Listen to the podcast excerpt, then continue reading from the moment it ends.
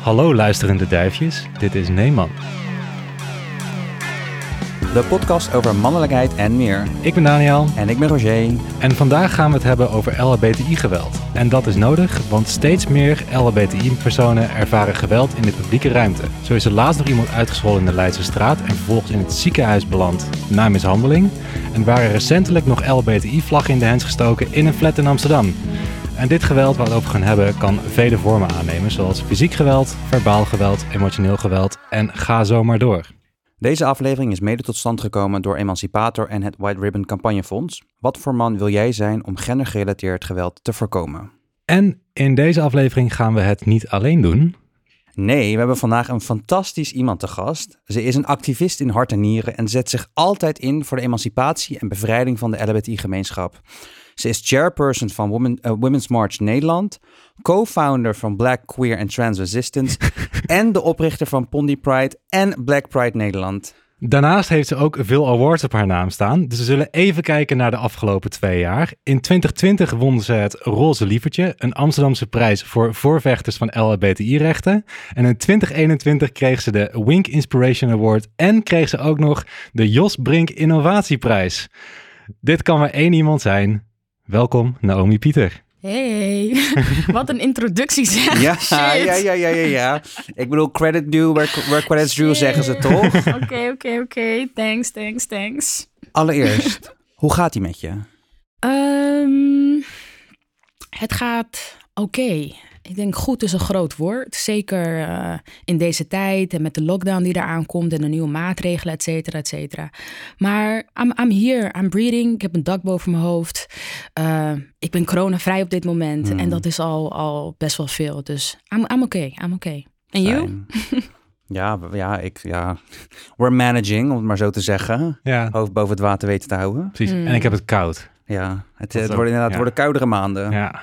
Maar Naomi, fijn dat je er bent en dat je tijd kon vrijmaken om gast te zijn bij ons. We waarderen alles wat je doet voor onze gemeenschap. En voor mij ben je mijn inspiratie om me elke dag ook weer in te zetten als intersectioneel activist.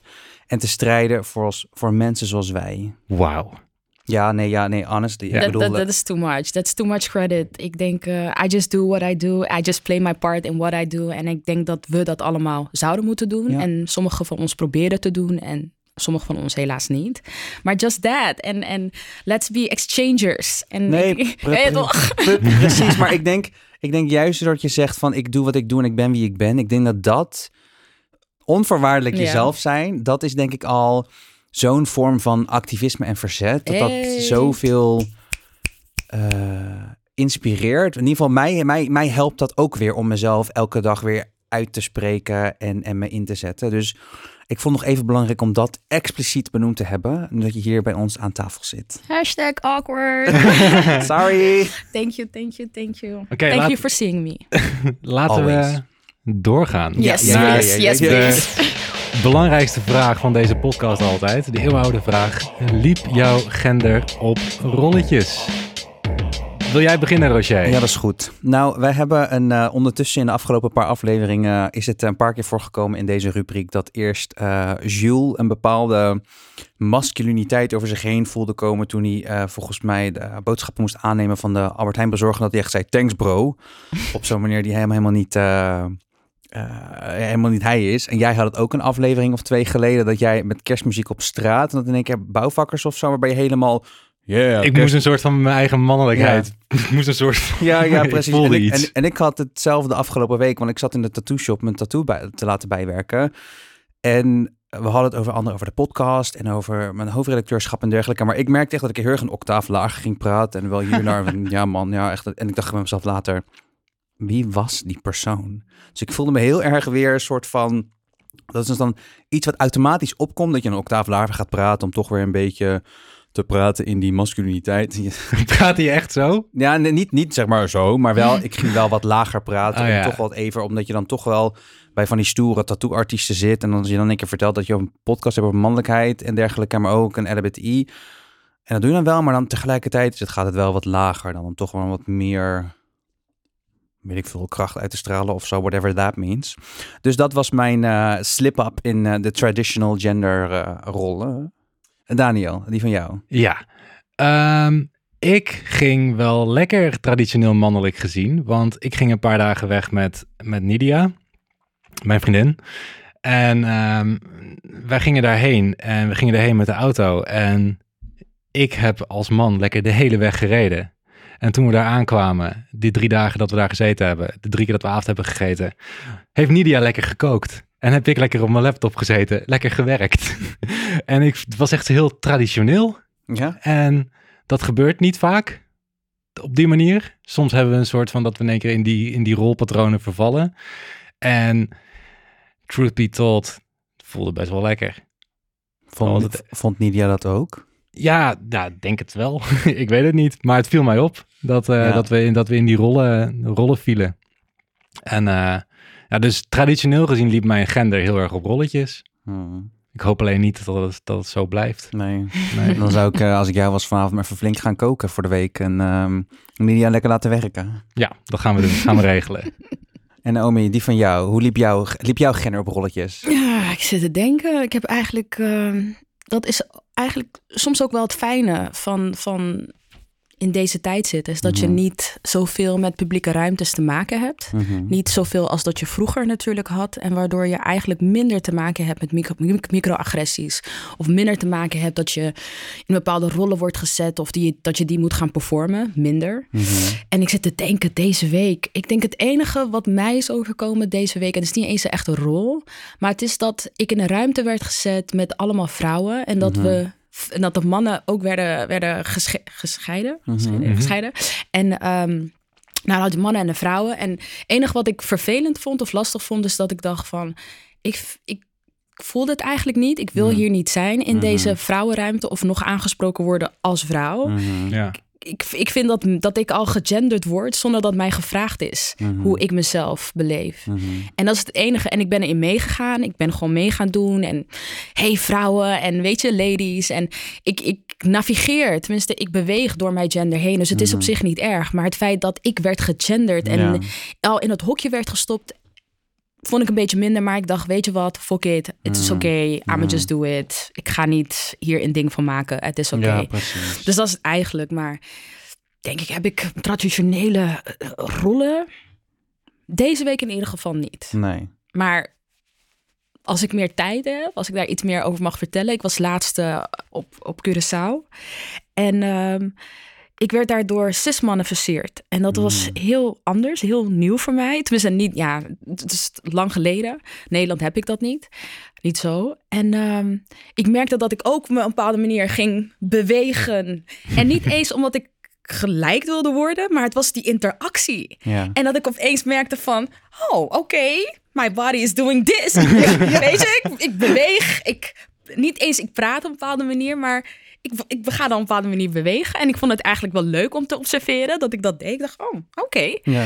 Maar, eh, maar dat, dus dat was een moment op Curaçao dat ik in ieder geval daarmee bezig was. En dat ik voelde dat ik, ja, op een bepaalde manier gedroeg. Ja. En eh, En dat was eigenlijk wel leuk.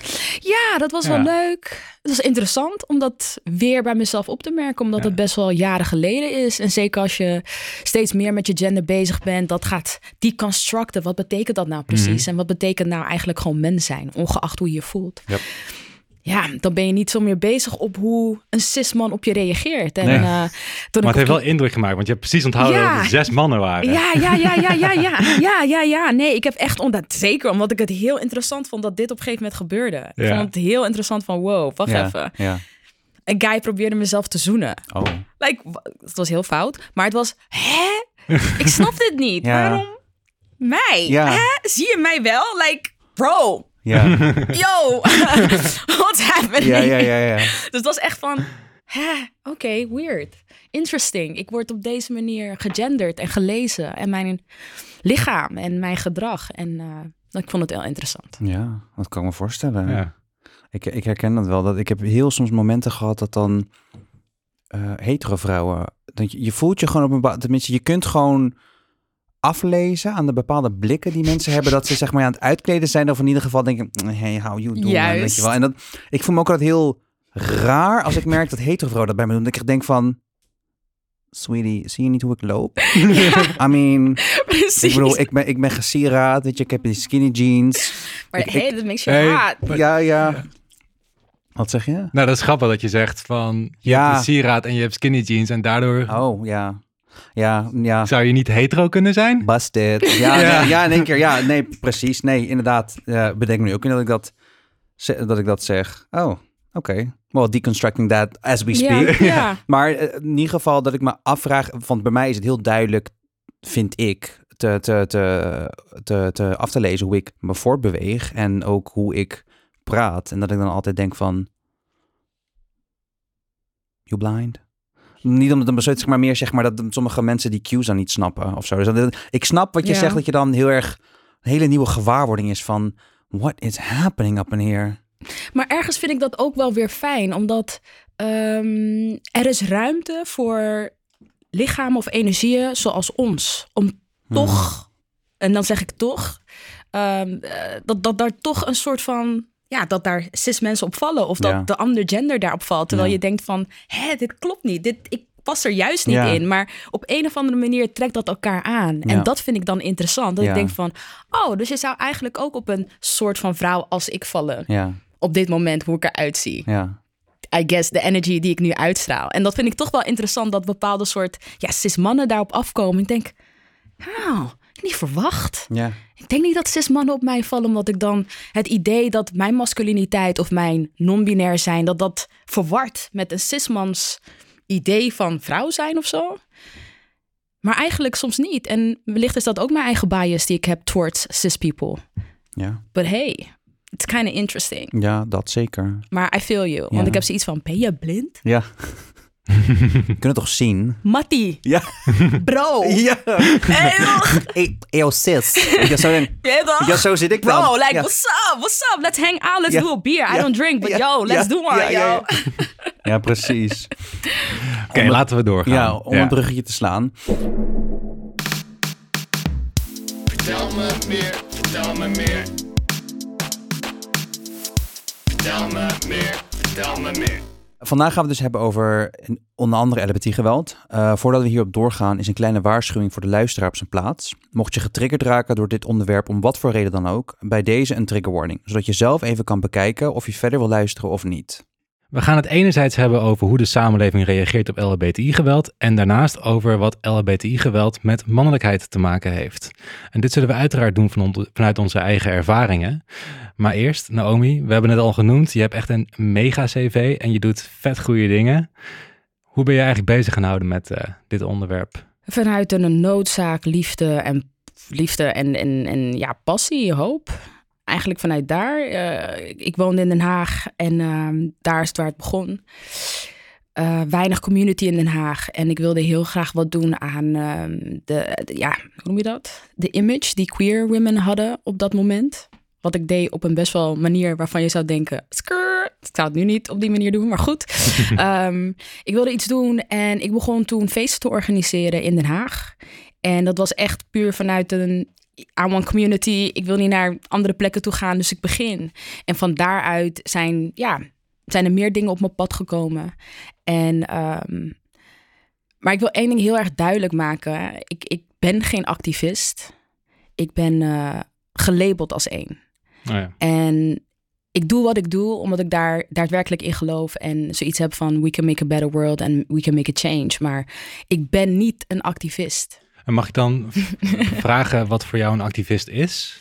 Ehm, voor mij een activist is een. Voor mij gaat het de term. Het is een label. Een label die heel vol is of heel leeg. Depends on how you use it and what it means to you. Dus ik gebruik het wel. Het is een currency. It means something to people, so I use it. Oh ja. Maar als je me vraagt, ik, ik ben niet opgestaan en ik dacht, wow, het is een goede dag om vandaag in elkaar geslagen te worden door de politie. Yo, het is een goede dag om op straat te gaan staan, om te gaan schreeuwen om mijn menselijkheid, om de, om de waardigheid van mijn menselijkheid te zien. No, het is echt niet dat ik denk van, nou, let's go. Today is a good day to do that. Mhm. Ik doe het uit noodzaak. Ik doe het omdat ik denk van, fok, ik wil juist niet de volgende dag wakker worden. Of dat mijn kinderen de volgende dag wakker worden. Of dienstkinderen de volgende dag wakker worden. Dus ik hoop vandaag een verandering te kunnen bijbrengen. That's it. En ik denk, de labelactivist, daar gaat mijn TED Talk ook over, so come and watch. De labelactivist is voor mij, het lijkt het voor mij alsof het gemaakt is, of eh, daar is, of het gebruikt wordt om mensen weg te zetten. Die juist gevoel hebben van, yo, shit moet veranderen. Dus we, put- we zetten een label op die mensen en we noemen hun activisten. Maar wat is jouw positie dan? Mhm. Waar plaats jij jezelf dan? Als dat activiste bent, wie ben jij? Een passieve bijkijker die niks zegt? Een neutraal persoon die, weet je, toekijkt en denkt van, ja, ik heb er niks mee te maken, dus kan mij niet verrotten. No, I refuse. Ik wil die persoon in ieder geval niet zijn. En als je me dan een activist wil noemen, prima. Met trots. Maar laten we heel eerlijk zijn, ik ben geen activist. Ik ben, eentje, ik ben er gelabeld. Ik ben er, het is mij, hè? Ik heb die label gekregen, want jij doet iets voor jouw community, dus we noemen jou een activist. Wat ben jij dan? Ja. Sorry, ik heb elke keer als jij spreekt, ik krijg altijd Ja. kippenvel. En nu ook weer dat ik nog met mijn tranen moet achterhouden. Want ik zeg, ik voel gewoon jouw vibe zo goed. Ja, hè? dan krijg je ook, ja. Ja, het is echt gewoon die, die kippenvel en, Ja. en, en Nee, en ik denk het is een soort van druk en, en Ja. ik gebruik het, dus daarom ik vind het niet erg, noem me maar activist. Vaak als ik me voorstel, begin ik ook. Mensen noemen mij een activist, maar mhm. Mhm. ik, ik, ik, ik, ik vind het awkward. Ja. Omdat ik denk van, het, het, alsof ik iets speciaals aan het doen ben, which is not. Ik Ja. doe niks speciaals. Integendeel zelfs. ja, Integendeel. Ja. En ik denk, ik zou willen dat we allemaal een activist waren. Of niet. Maar dat we gewoon just do the work that we need to do. That's Ja. it. En het, het grappige is om daar even op in te haken. Want jij zeg maar, je, je, je zegt mensen geven mij die term, maar ik gebruik het wel, Ja. want het is een currency. Ja. En je laat het toe. Ja. Maar doordat je dus dat toelaat, ehm, Uphold ik het. ja, nee, nee, nee, nee, maar nee, niet ophollen, maar meer op een manier zeg maar dat mensen zoals ik zeg maar zoiets met trots dragen, omdat het dan zeg maar het is je voor, je zeg maar jou overkomt het, maar je laat het toe, waardoor je ah, maar eigenlijk inspireer je andere mensen ermee. Want ik vond het vroeger altijd als ik als, als ik activist genoemd werd of activistische dingen zeg, voelde het als een soort belediging. Want sommige mensen bedoelen het ook als belediging. Maar Ik, ik, ik reclaim het sowieso. Dat ik denk van, ik zeg altijd van ja, nou, ja, voor mij is het een, een compliment.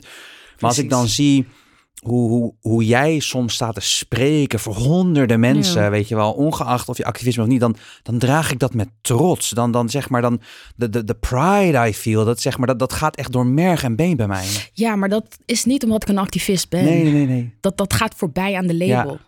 En dat is, wat, dat is waar het mij een beetje om gaat. Het gaat voorbij aan de label. Dus Ja. ik, daarom zeg ik, draag hem ook wel met Ja. trots. Want ongeacht het gebruikt wordt als een frame, ik draag het met trots. Want als een Winnie Mandela zichzelf een activist of voor andere mensen, hey, ik ben trots om een activist te zijn. Dus that's not the point. Nee, Maar ehm, ik, ik, ik voel dat het een frame is. ja, Een frame om inderdaad te zeggen: nee, maar jij bent een activist. Of nee, ik doe dat niet. Of ik doe geen activistische dingen. Of nee, weet je. En denk van: maar wat is jouw positie dan? ja. Als ik dat ben, wat ben jij? En, en dat vind ik, dat, dat is hetgene waar ik er moeite mee heb. Dat ik denk van, ik zou willen dat. eh, en daarom probeer ik te zeggen van, yo. I'm not that special. Het is niks, niks bijzonders. Het is een tegendeel. Like, let's, you know, okay, it means something. We can use it as a currency. Hetzelfde met labels als queer zijn en Ja. vrouw zijn en man zijn. Dat zijn labels die, Ja. hè, die we kunnen gebruiken op bepaalde manieren. They serve us in a way. Ja. De label activist serves me in a certain way. Ja. Maar als we gaan kijken naar de inhoud, Ja. dan denk ik van verdorie, ik ben niet wakker geworden. Ik heb niet gedacht van vandaag ben ik een activist. Nee. ik deed gewoon wat ik weet. Wat ik deed, jij ook. Ja. En mensen zeiden van, oh, je, je bent wel activistisch, zeg. Of Ja. nou, jij bent een activist. Of hè, Mhm. Dat wat jij. Maar Ja. ik, ik ben de persoon die eigenlijk I'm upholding the system. Ja. En ik wil eigenlijk, I don't want to look that way. Dus hè, Ja. I'm just gonna disregard and devalue you. Want Nee, hè, precies, you're doing too much. Ik wil gewoon in dit systeem blijven. Ik wil dit makkelijk houden. En don't fuck it up. Ja. En ja, I don't know. Daarom wil ik, hoop ik toch om een beetje gedachten... Ja, dat mensen mooi. toch wel zoiets gaan nadenken over... wat betekent om een activist te zijn en wat is dat precies. En dat het, it's about doing the work. Ja. En staan waar je moet staan. Zeg Ja. wat je moet zeggen. Ja. Het is niet een label die je aanzet van... Nee. oh, nou, ik ben een activist. Nee, precies. Oké, en nu? Wat dan? Ja, wat betekent ja. dat? Wat doe je dan? Ja. What is the work that you're doing? Ja, nee, zeker.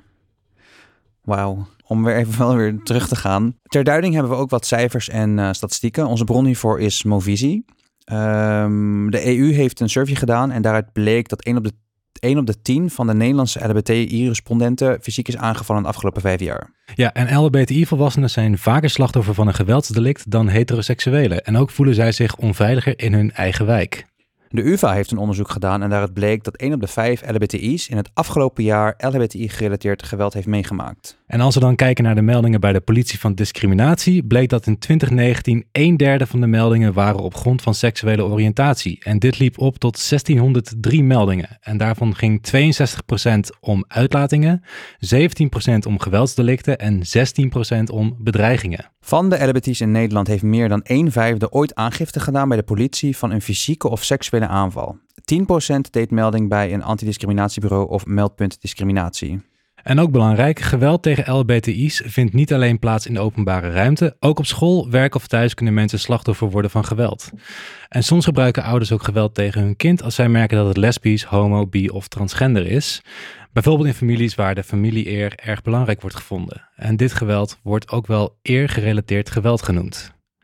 En als je dit allemaal fucked up vond, in de show notes gaan we nog een linkje plaatsen en dan kun je nog meer van dit soort schokkende cijfers vinden. Ik kan me elke keer weer zo ongelooflijk kwaad maken als ik dit zo hoor, zo hoor. En ik voel tegelijkertijd ook een soort van urge om op te staan en te protect al, al deze mensen, al deze kinderen, al deze jongeren.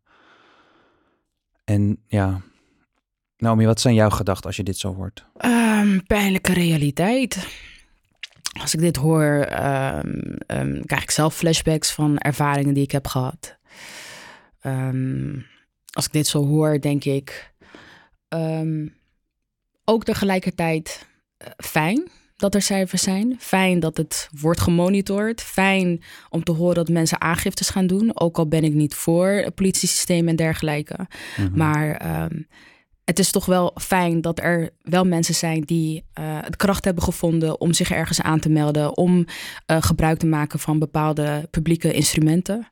Maar ja, pijnlijk, want dit zou eigenlijk 0% moeten zijn. Dit zou, dit zou eigenlijk niet eens moeten. We zouden het hier niet eens over moeten hebben. Ja. Like, het feit dat dit al nodig is, is, is, is, is gewoon pijnlijk. Ehm, maar tekenend, want dit geweld is er helaas ook altijd geweest. Ja. Ehm, ik, zou, ik, maak me, ik vraag me wel af of het meer of minder is. Dat is ben ik wel nieuwsgieriger naar. Ik heb wel het idee dat het de laatste tijd vaker in het nieuws is. Ja, vaker in het nieuws. Maar Ja. vaker in het nieuws betekent dat er meer oog is. Omdat het geweld altijd is geweest. Ja. Snap Ja. wat ik bedoel? Dus het is niet alsof het...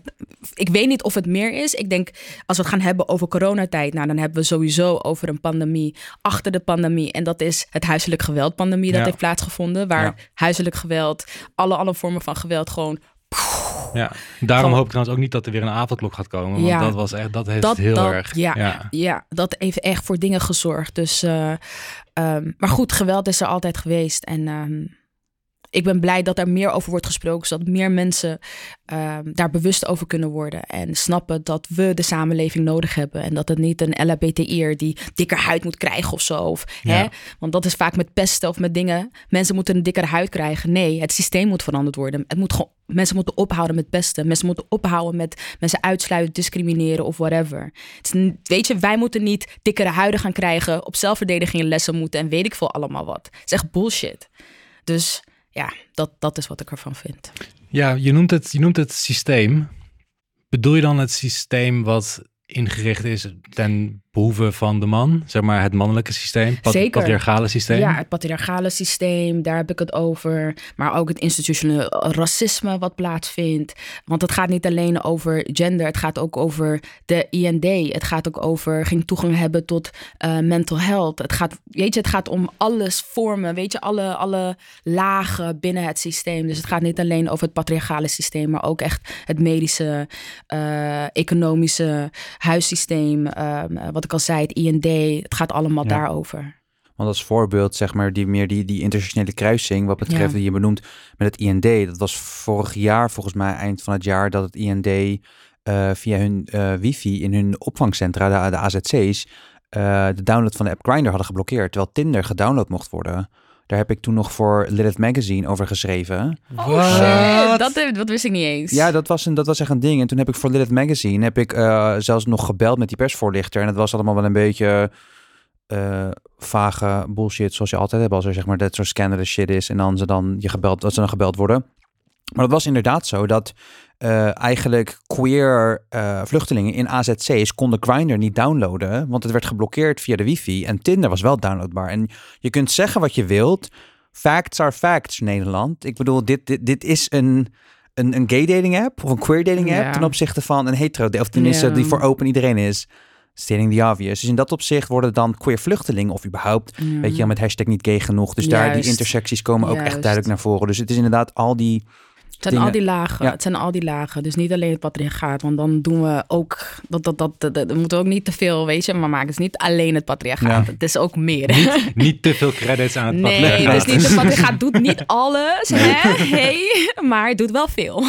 ja, Ja. Ja, en ehm, we hebben het over mannelijkheid en Ja. meer. En het leek ons ook wel interessant om even te hebben over ehm, wat nou de rol is van toxische mannelijkheid in LHBTI-geweld. Nou ja, er komt in ieder geval sowieso eerst een, eh, een onderzoek van Laurens Buis om Ja, we, hebben, we hebben research gedaan. Ja, we hebben inderdaad in- in ieder geval research even, gedaan. research gedaan, even gekeken. Dus even Ja. de feiten. Een onderzoek van Laurens Buis uit 2008 geeft er onder andere antwoord op. En ik quote even uit een interview van Buis in het Parool. Homoseksualiteit staat op gespannen, voet, ge- op gespannen voet met eeuwenoude maatschappelijke normen op het gebied van mannelijkheid die diep in ons collectieve onderbewustzijn zitten verstopt. Aldus Buis. Die normen raken iedereen en het is daarom ook een vergissing om homofobie te zien als puur een probleem van religie of etniciteit. Fijn, dat, en dan even, dan ben ik weer. eh, fijn dat Buis dit zelf ook even zegt, omdat er nogal een hei- neiging hangt in de samenleving om dat echt toe te kennen aan zogenaamd buitenlanders zijn het probleem. Ja, ja, ja, ja, ja. Dus het is voornamelijk mannelijkheid dat hier het probleem is eh, in geweld richting LBTI's. Ik zie jou heel erg ja schudden, Naomi. Ja, dat, dat, klopt. Daar ben ik het volledig mee eens. Eh, als ik denk, eh, ja.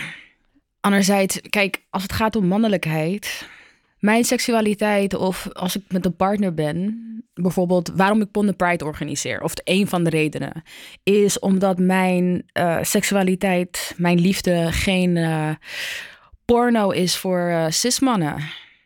Het is geen porno. Ik, ik, mijn seksualiteit, I don't serve the cis man. Mhm. Hmm. En dat is toch wel het idee als eh cis mannen twee vrouwen zien, samen zoenen. Ja. Eh, dat, hè, het is lekker voor hun oog. Eh, ik heb zelfs gehad dat mensen staan filmen, eh Oh, er omheen gaan staan. En dat ik denk van, what the fuck. Ja. Gewoon puur omdat jij vindt dat, hè, we serve you. Hè, met je big dick energy is zogenaamd. Which is, which is eigenlijk- eigenlijk een small dick energy, maar goed. Ehm, ehm, vind jij dat eh, wij, queer vrouwen, we serve you? Dat is een van de vormen. Als ik denk aan, een keer was ik, ehm, ik was toen 18, was ik 19 inmiddels. Ding, 18 of 19. En ik was in de tram in Den Haag. En ehm, ik was toen destijds met mijn ex-vriendinnetje. En ik, ik, volgens mij, we gingen elkaar zoenen. Dus we gaven elkaar een kus. En er stond een man op en die begon mij van hier tot Tokio uit te schelden. Want als ik zijn zusje was, had, ik, had hij mij in elkaar geslagen. Want dit kan niet. Dit is fucking vies. En eh, waarom doen jullie dit? En eh, hij werd helemaal gek, hè? Hij werd helemaal lijp in de tram. Dat zijn vriend hem zelfs uit de tram moest trekken. Omdat hij vond dat wat ik deed kon niet. Ik kende die hele gast niet Oh my god. als ik nadenk over inderdaad hoe ehm, familieleden van mij over eh, homo's praten. Ehm, hele directe familieleden die het hebben over die homo's, die dit. En ja, Ja. dit doe je toch niet. En ja, een bepaald soort mannelijkheid uitzetten. En alles wat daartegen is, is een probleem. Dat is een mariku, dat is een homo. En eh, ja, ik noem nu zelf voorbeelden op, omdat ja, we kunnen mannelijkheid gaan analyseren. Ik kan het vanuit mijn positie analyseren, maar ik denk Ja. niet per se dat ik daar de juiste persoon voor ben. Maar Nee, ik kan maar ik- wel zeggen hoe ik het heb ervaren. Mhm. Ja, maar ik denk dat heel veel dingen die jij omschrijft heel erg te, te koppelen zijn aan, aan reden, redenen waarom mannen dat doen. Want uiteindelijk, het wordt, het wordt gezien als een soort van aanval op mannelijkheid en ook op de emoties van mannen. En dat het, het hele idee van, het mag er wel zijn, maar je mag het niet zien. Snap je? Je mag het niet uiten. En dat komt hier ook heel erg in terug. Ik kan me ook herinneren uit eh, toen ik zelf een tiener was. Dat dat werd letterlijk gezegd onder mijn mannenvriendengroepen. Van ja, ik vind het prima als mensen homoseksueel zijn, maar ze mogen het niet laten zien. En zodra ze het wel laten zien, dan wordt er gescholden, bijvoorbeeld. Maar, Of- ik- maar waarom? Wat, wat, wat, I- doet dat, wat doet dat met je? I don't, I don't know. En hetzelfde bijvoorbeeld eh, wat je zei over ehm, als jij met een, als je met, met, met, een vrouw aan het zoenen bent, dat je daar reacties op krijgt. Dat, er is ook wel eens gezegd in vriendengroepen om mij heen van, ik heb een hekel aan lesbische vrouwen omdat die vrouwen afpakken. Hmm. Snap je? Er zit een soort van idee van eigendom zit daarin. Mm. En dat eigendomsidee, dat is heel erg mannelijk. Dus heel veel dingen die jij omschrijft, die kan ik ook heel erg... Ik, ik zie de redenen van die mannen waarom die dat deden, zie ik terug in wat ik zelf heb meegemaakt toen ik opgroeide. In hoe er werd gedacht over, Het is interessant tegelijkertijd. I feel sad for a lot of cis men. ja, Omdat ze zichzelf zo... Ze zijn zo op een bepaalde manier, manier geconditioneerd. Zo vast in een bepaald model. Of dat willen vasthouden. En dat dat anders een aanval is op alles wat ze zijn. En ja. ik vind het... Ergens is het gewoon sad. Ja. I'm Maar tegelijkertijd really is, is geweld uiten is ook dan weer een manier waarop dan volgens mij weer hun eigen mannelijkheid Klopt. wordt bevestigd. Klopt, Dus het wordt versterkt. klopt. Ja. Klopt. Ze, ze zitten zo vast in die, in die beelden van mannelijkheid en die toxische mannelijkheid. Dan in feite, wat ook alweer te maken heeft dan met heteronormativiteit. En ergens misschien op een perverse manier zijn mensen zoals wij vrij op een manier dat zij dat nooit zullen zijn. En dat wens ik. Ik wens voor zoveel mensen, over genoeg cis-vrouwen. Ik wens echt voor mensen in het algemeen om vrij te kunnen zijn. En Ja. Ehm, daarom, ik vind het heel interessant. Tenminste, ik zat op Curaçao ook in een panel. En toen zei een jongen, die zei ook van ja, we hadden het over, wat was het nou? LBTI, niet geweld, maar over LGBT. eh, nou, Anyway, we hadden het ergens over. En toen zei hij ja, maar dit gaat niet over mij, want ik ben straight. Ik zeg, dit gaat ook over jou. Dit gaat over ons allemaal. En ehm, op het moment dat we gaan zeggen van oké, de LBTI-verhaal of strijd gaat niet over mij, dan distancieer je jezelf eigenlijk van ja, hetgene that we all trying to do is liberate people. Liberate all of us van gender biases of roles of whatever. Wie zou nou vast willen zitten in een soort van cis-man model dat je, je moet je zo gedragen, want anders ben je niet man. Als je niet zo loopt, als je niet zo praat, als je niet zo eet, als je niet zo draagt, dan ben je geen man. Like, is toch te veel? Ja. Like, how does it work for you? For me, ik, ik, ik, ik, zelfs met het cis vrouwen zijn. Dat als je niet een rok draagt, als je dit niet doet, als je dat niet doet, dan ben je niet vrouw genoeg. Terwijl bullshit. Bullshit.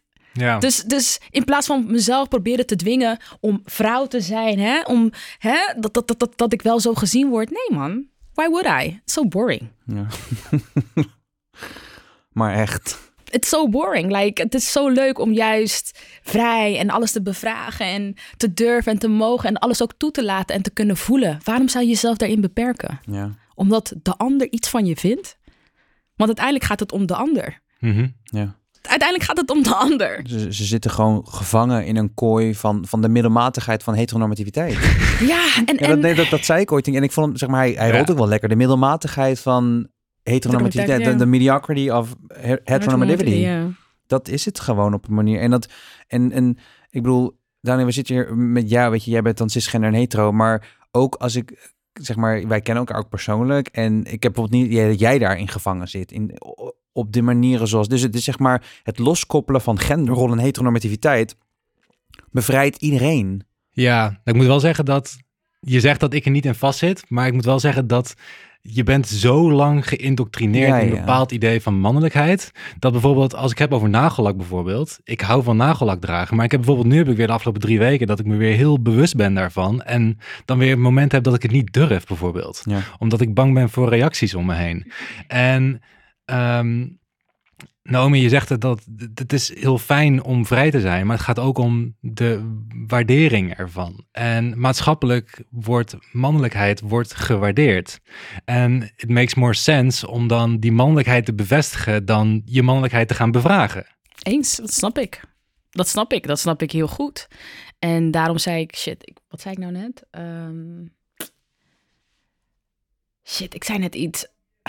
Je zei iets heel goeds. Wat zei je ook alweer? Sorry, even terug, uh, teruggeluisteren. Nee, ehm, klopt. Ehm, shit, ik zei niet en dan kan ik nu een punt maken. Maar anyway, het gaat er inderdaad om... ehm, het, we doen het voor een ander. Je doet, wat, wat- precies, wat ik net al zei. Het is die upholden, die waardering is voor een ander. Omdat je, het, het is... Uiteindelijk is die relatie met de anders, daarom doe je het of daarom doe je het niet. Omdat je denkt, ik wil niet gezien worden, ik wil geen bullshit, ik wil geen afwijzing van de ander. Mhm. En wat nou, hè? Hopelijk geen utopia. Wat nou als de ander eigenlijk hetzelfde zou denken? Wat nou of als we zouden denken: fuck de ander. Fuck de ander. Fuck Ja. that. Het Mhm. boeit niet wat de ander zegt, want aan het einde van de dag wil ik gelukkig zijn. Wil ik goed met mezelf zijn. Wil ik trots op mezelf zijn dat, hè, whatever happened, I choose to be myself today. En dat ik ervoor kies, ondanks de stemmetjes, ondanks de conditionering. Fuck it, ik kies voor mij. En dat is, dat is, ja, daarom zei ik van, we doen het voor de ander. Ik kies ook soms dingen te doen voor de ander. Want ik denk van, nou, ik wil niet dat mensen hier iets over zeggen. Dat heb ik vooral op Curaçao, moet ik heel eerlijk zeggen. Dat ik denk van, ik heb geen zin in dit, ik heb geen zin in dat. Ik, heb, eh, ik, ik, ik, ik heb momenten meegemaakt dat ik een restaurant binnenliep... en dat iemand begon te schreeuwen van, wat is het? Is het een man, is het een vrouw? Dan denk ik, ja, ik heb geen zin in geweld. Weet je, dus kies ervoor om op een bepaalde manier te dragen, te kleden. Ik, ik pas erin. Dus op dat moment heb ik niet gekozen voor mezelf. Nee. En dan denk ik ook, verdorie, weet je. Ja. Ik heb niet gekozen om mezelf te zijn. Ik heb gekozen om inderdaad veilig te bewegen. En dat wil ik eigenlijk ook benoemen. Soms moet je veiligheid kiezen boven jezelf. Ja. Because in the end of the day, ik wil, ik wil morgen wakker worden. Ja. Dus als, dat, als ik daarvoor soms anders moet bewegen, prima. Ja. Maar hè, als ik de keuze heb om voor mezelf te kiezen, dan kies ik dat 20.000 keer liever dan de ander. En eigenlijk, en dat is dus En het eigenlijk... is moeilijk. Het is Ja. niet makkelijk. Ik zeg, ik, ik, ik zeg het wel zo, maar daarom zeg ik ook, ik navigeer dat ook. Mhm. Maar hè, het, het, is gewoon, het is gewoon eigenlijk fucked up dat we, dat, dat we zo onder die druk, dat, dat we, dat, dat, dat je zo ge- ge- geduwd wordt in een hoek, dat je de afweging moet maken tussen je authenticiteit en je veiligheid. En dat je dan wel een keer niet moet gaan conformeren. Echt, to hell with that. daarom loop ik zelf ook niet overal hand in hand. Nee, ik, doe, ik doe het ook niet. eh, Ik, ik heb helaas dus, nou ja, shit meegemaakt. Pesterijen, maandenlange pesterijen, ook echt geweld. Dus fysiek geweld, dat we zijn aangevallen. En ehm, daardoor ben ik daar heel moeilijk, niet moeilijk, maar ik, ik liever niet. Ik heb geen Nee. zin om geweld mee te maken. Ehm, en er zijn genoeg momenten dat ik wel hand in hand loop, maar het is wel een bewuste keuze voor mij om na te denken van, ga ik dit doen, ja of nee? En Ja. ik kies liever mijn veiligheid boven, boven iets anders. Helaas. Ja, ik had ook toen we deze aflevering aan het maken waren, dat dan ga je ook een soort nadenken over wat voor oplossingen zijn er voor LHBTI-geweld. En het, is heel fucked up, maar de meest makkelijke oplossing is als, dit klinkt heel kut, LHBTI's niet meer zichtbaar zijn en mannen gewoon lekker kunnen zijn wie ze zijn. Dan is er geen geweld meer. Terwijl het is zo stom dat, dat, dat I don't know. Waarom, waarom moeten mannen geen, geen vragen stellen bij hun eigen mannelijkheid? Waarom wordt daar niet op, op gefocust? Snap je wat ik bedoel? Ja, maar ik zou hem toch willen omdraaien. Wat nou als eh LHBTI zijn de norm is en Ja. eigenlijk cis-mannelijkheid soort van eigenlijk de ander is. En Ja. dat je denkt van, huh, Ja. cis-mannen? Cis wanneer? Dat is echt niet, eeuw, Ja. wat doe jij cis-man? Ja. Eeuw, waarom ben je dat? Ja, Ja, ik, ik, ik, kan, ik kan een soort gelijk in mijn hoofd van, want je had het over dat we niet meer, dat we als LHBT's niet meer zichtbaar zijn. Maar ja nee, maar dat komt meer omdat bij de motivatie van daders wordt heel vaak Ja. gezegd dat het gaat om die uiting. Nee, Ja. precies. Maar meer Ja. dat we eigenlijk... Dat de, dat de, oplo- de, ot- de oplossing is op papier heel simpel. Eh, de norm aanpassen en diversiteit, kut woord dat het is, toelaten in de norm. Ja, En dat eh, iedereen er mag zijn. Dat, dat verschillen er mogen zijn en dat die niet bedreigend zijn. En dat als je kijkt naar het psychologische van de mens, dat heeft zeg maar eigenlijk dat geweld, dat die mannelijkheid en al die dingen heeft ook gewoon te maken met het feit dat bepaalde dingen afwijken van een, een wereldbeeld. En dat wordt verstoord en dat geeft stress. Ehm, kijk maar hoe, hoe Nederland omging met toen genderlabels uit kinderkleding werd gehaald. Zonder per se kinderkleding aan te passen. Maar iedereen lost their shit. ja. Ehm, en dat, die dingen zorgen voor cognitieve dissonantie. En dat is het hem. Want we leven ook tegelijkertijd in een samenleving waarbij verschillend, verschillend zijn wordt afgestraft. Want ik bedoel, iedereen wil zijn authentieke zelf zijn. En, en, en, en dat is, zou, is heel papier heel simpel. Die norm aanpassen. En dan zijn het weer inderdaad dan die, die afwegingen dat mensen zoals jij en ik, Naomi, en Daniel, jij met je nagellak en, en je, je, je, je, je genderuitingen op die manier, dat we dan soms wel moeten kiezen voor authenticiteit of veiligheid. Maar de momenten dat we kiezen voor authenticiteit en ons veilig en sterk genoeg voelen, boy, the resistance is real. Het, het verzet wat we dan, ons zijn is een verzet. Hey. En ons, ons zijn is een verzet en een eh, inspiratie voor anderen. Zeker. En, en, en daarmee eh, versterken we de onderlinge verbinding. Want daar, ik heb ook altijd met Pride. Je, je kunt zeggen wat je wil over Pride. Weet je, eh, en met de kanaalparade en het feestje. Ik, bedoel, ik, ik, ik deel heel erg jouw mening over zeg maar Pride is a resistance, weet je wel. Mhm. Maar toch in ieder geval niet de laatste jaren dat het gekaapt werd door de cisgender hetero uit de provincie met hun lelijke roze-paarse hoedjes. Maar de andere keren dat je dan daar staat en dat ik dan gewoon aan het janken ben, omdat ik denk van één dag in het jaar zijn we met meer Klopt. en dan ben je beschermd. En die community, daar doe ik het voor. Zeker. En, en op die manier hoop ik dat de norm dan op een gegeven moment een keer aangepast wordt. Dat gezegd hebbende, genoeg over de dader. Want Ja. zeg maar, ik vind het belangrijk om het ook over mooie dingen te hebben. En het geluk en welzijn van LBT-personen moeten het belangrijkst zijn. Want dat is eigenlijk het belangrijkste in onze emancipatie, om maar zo te zeggen. Naomi, Black Pride Nederland heeft er nu twee prides op zitten. De afgelopen editie focuste zich op, vooral op Black Queer Joy en waren healing momenten. Ik was er zelf ook bij, bij de demo. Toen de, die mooie gele rozen werden uitgedeeld. Ik heb die, die- nog steeds hele mooie foto's van. Maar waarom kozen jullie daarvoor? Waarom kozen jullie voor focus op vreugde en helen? Omdat ehm, zeker, zeker na, na eh, de protesten van Black Lives Matter, zeker na 2020 en na de pandemie, hadden we zoiets van: we're still standing. Ja. We're still standing. En besef dat we voor de pandemie, we survived. We're still surviving institutional racism en al de isms en Ja. et cetera, et cetera. En dan kregen we nog eens de pandemie, de pandemie erbij. En we're still standing. Ja. En ehm, dat was ook een manier, dat, tenminste, dat is een van de lagen. En daarnaast ook, ehm, Black Lives Matter ging heel erg, ging heel erg over centralizing the oppressor. Ging heel Ja. erg vragen om, you know, seeing my dignity, Black Lives Matter. Hè? En, en mattering is the minimum. Ja. To matter is just the minimum. To real justice is when black people get to live and thrive. Wanneer we gewoon kunnen leven en kunnen genieten van onze levens en die ook volwaardig kunnen leven. En niet op onze 18e, 20ste, 30ste, whatever, worden doodgeschoten door de politie of whatever. Of hier in Nederland door, weet je, eh, hoe noem je dat, nekklemmen of whatever. Dat je dan je leven verliest. Like, that's, that's no, no. En uh, I'm also done centering that. Ja. En ik denk het doel van racisme en andere, nee, laten we het over racisme hebben, is, is om je afgeleid te houden van het werk wat je moet doen. Omdat je constant aan het bewijzen bent dat je mens bent, dat je waardig bent, dat je cultuur hebt. En ik stil nu een beetje ook quote van Toni Morrison, want Toni Morrison is haar quote, dat ze zegt, if you, the very function of racism is to keep you busy. Ja. To keep you explaining. When they tell you you don't have a culture, you keep explaining. Yeah, You, you show that you have a culture. You spend 20 years or whatever years to show that you have a culture. If they say you don't have a head or whatever. Nou ja, je kan de quote lezen. Mhm. En ehm, ik voel ook dat, ja, dan, Mhm. dan, om dat zo te centreren en, en daar constant mee bezig zijn constant op te reageren. Wat nou als we dat niet zouden doen? Wat nou als we onze heling, onze liefde, onze vreugde centraal zouden stellen?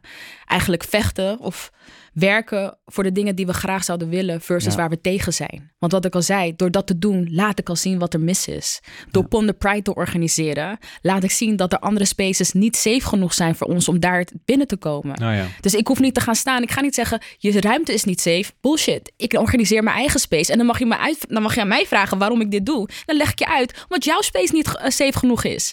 Ik, ik kan daar niet veilig zijn. Hallo en op het moment dus dat. En op het moment dat jij bereid bent om het werk te leveren, om de ruimte veilig te maken, dan kan ik daar ook zijn. Maar tot die tijd, en jij zoiets hebt van, tot die tijd, en jij ziet het zelf nog niet eens, dan heb ik daar niks te zoeken. En doe je feestje, heb je feestje, doe je ding, I don't care. I'm just gonna do me. En Ja. organize the party that I want. En het leukste is, onze feesten, onze ruimtes zijn altijd leuker, altijd litter. En in the end of the day, everybody want, everybody want to be in our space. Dat, dat is standaard. We denken, we mogen niet in jouw space komen, in jullie space. Prima, hou jullie space. We organiseren onze eigen space, maar dan wil je ook in onze space zijn. Ja. ja, dat is het funner. Ja, daar, daar is zeg maar, ja, daar heb je ook echt zo'n meme van, zeg Klopt. maar, van die, van die poppen. Maar dat kan ik onderschrijven. Ik was inderdaad bij de demo van afgelopen Ja. jaar en het was zo mooi en het was zo, Ja, eh, eh, die gele rozen en al die kleuren. Jullie hadden allemaal geel aan en echt kippenvel nog steeds. Ja. En, en ook wat hele mooie was, jullie hebben op een gegeven moment ook heel veel aandacht besteed aan de, de strijders van de decennia terug. Zoals bijvoorbeeld een eh, Tineke Sumter, echt shout-out naar Tineke zeker. love haar, alles wat ze echt alles wat ze gedaan heeft. En, en Eh, dat, dat, dat is ook erg een onderdeel. Ja. Volgens mij ook voor, voor de healing en, en Ja, joy. ja, we nemen. Kijk, eh, het is belangrijk om eh, de mensen te bedanken en te eren die voorjaar zijn geweest. En Black Pride had er niet kunnen zijn zonder dat Tineke Sumter werk heeft geleverd. Of Anne Krul of Ja. André Reder of Li- Li- Lionel Joku. Ja, Lionel Joku, ja. Ja, ehm, zo zijn er meerdere mensen. ehm, Marlon Reina. Ik kan, nou, anyway, zonder hun waren wij hier niet geweest. Nee. Zonder hun had ik echt niet het werk kunnen doen wat ik heb kunnen doen. Zonder Marlon had ik ook niet bepaalde bewustzijn gehad die ik nu heb. Ehm, dus er zijn mensen die voor ons zijn geweest, waar we ten alle tijde respect voor moeten hebben.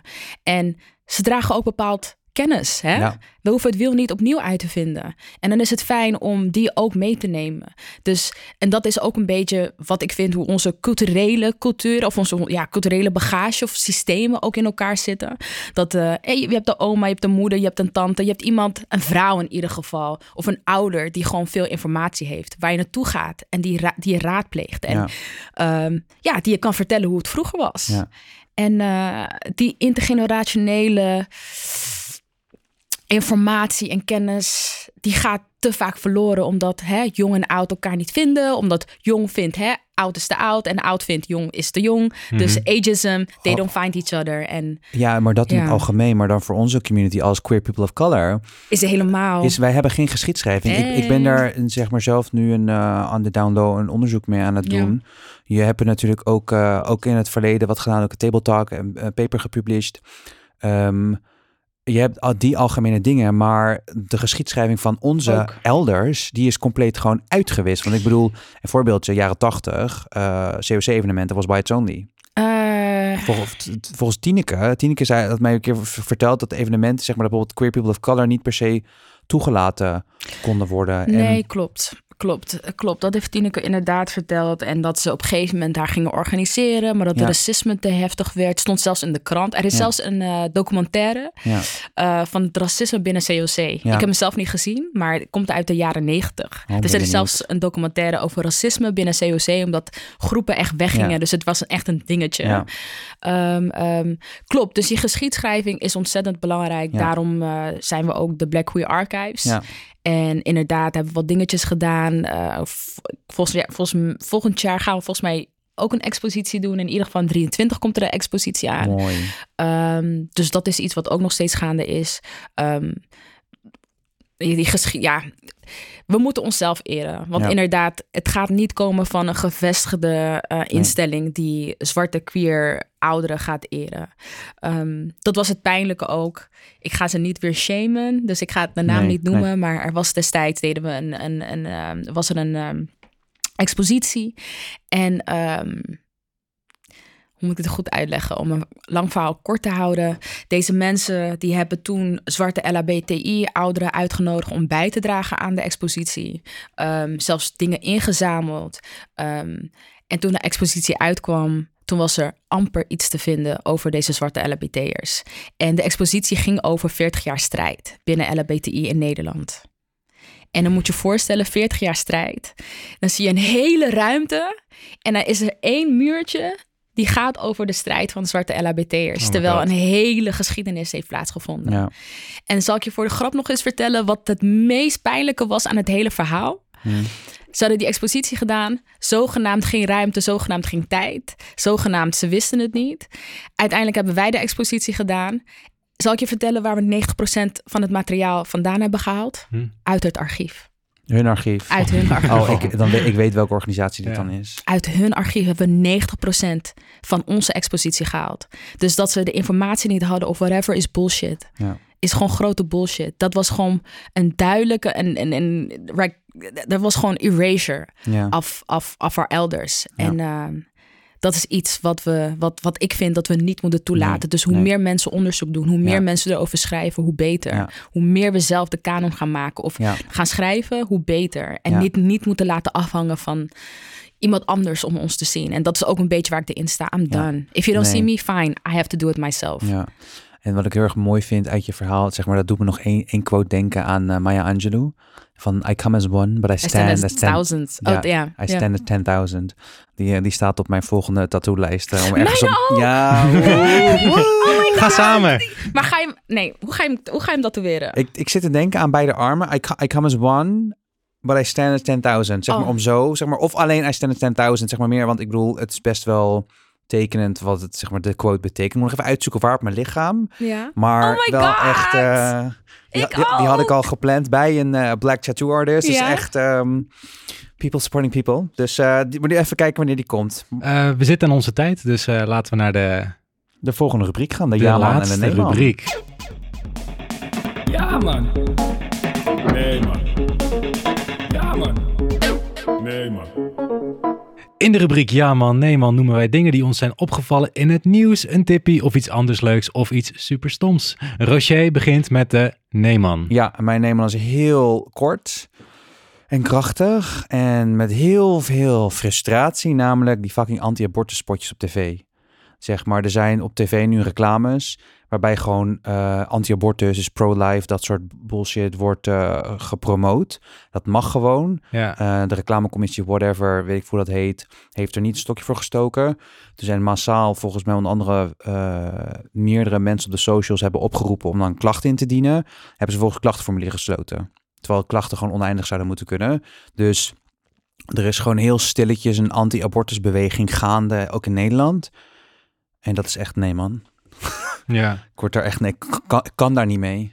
Ik moet eh, tv gaan aanschaffen. Nee, dat moet je eh, dus niet doen. Er gaat een Nee, hele wereld nee, aan me voorbij moet- waar ik helemaal nee, niks van dat- af dat weet. moet je niet Voor- doen, want dan ga je dingen lezen als eh, dat er in plaats van baas in eigen buik staat, baasje in eigen buik. The fuck? Ja. Ja, dat, dat soort dingen ga je dan. Dus dan moet je, dat, je kan beter geen tv aanschaffen.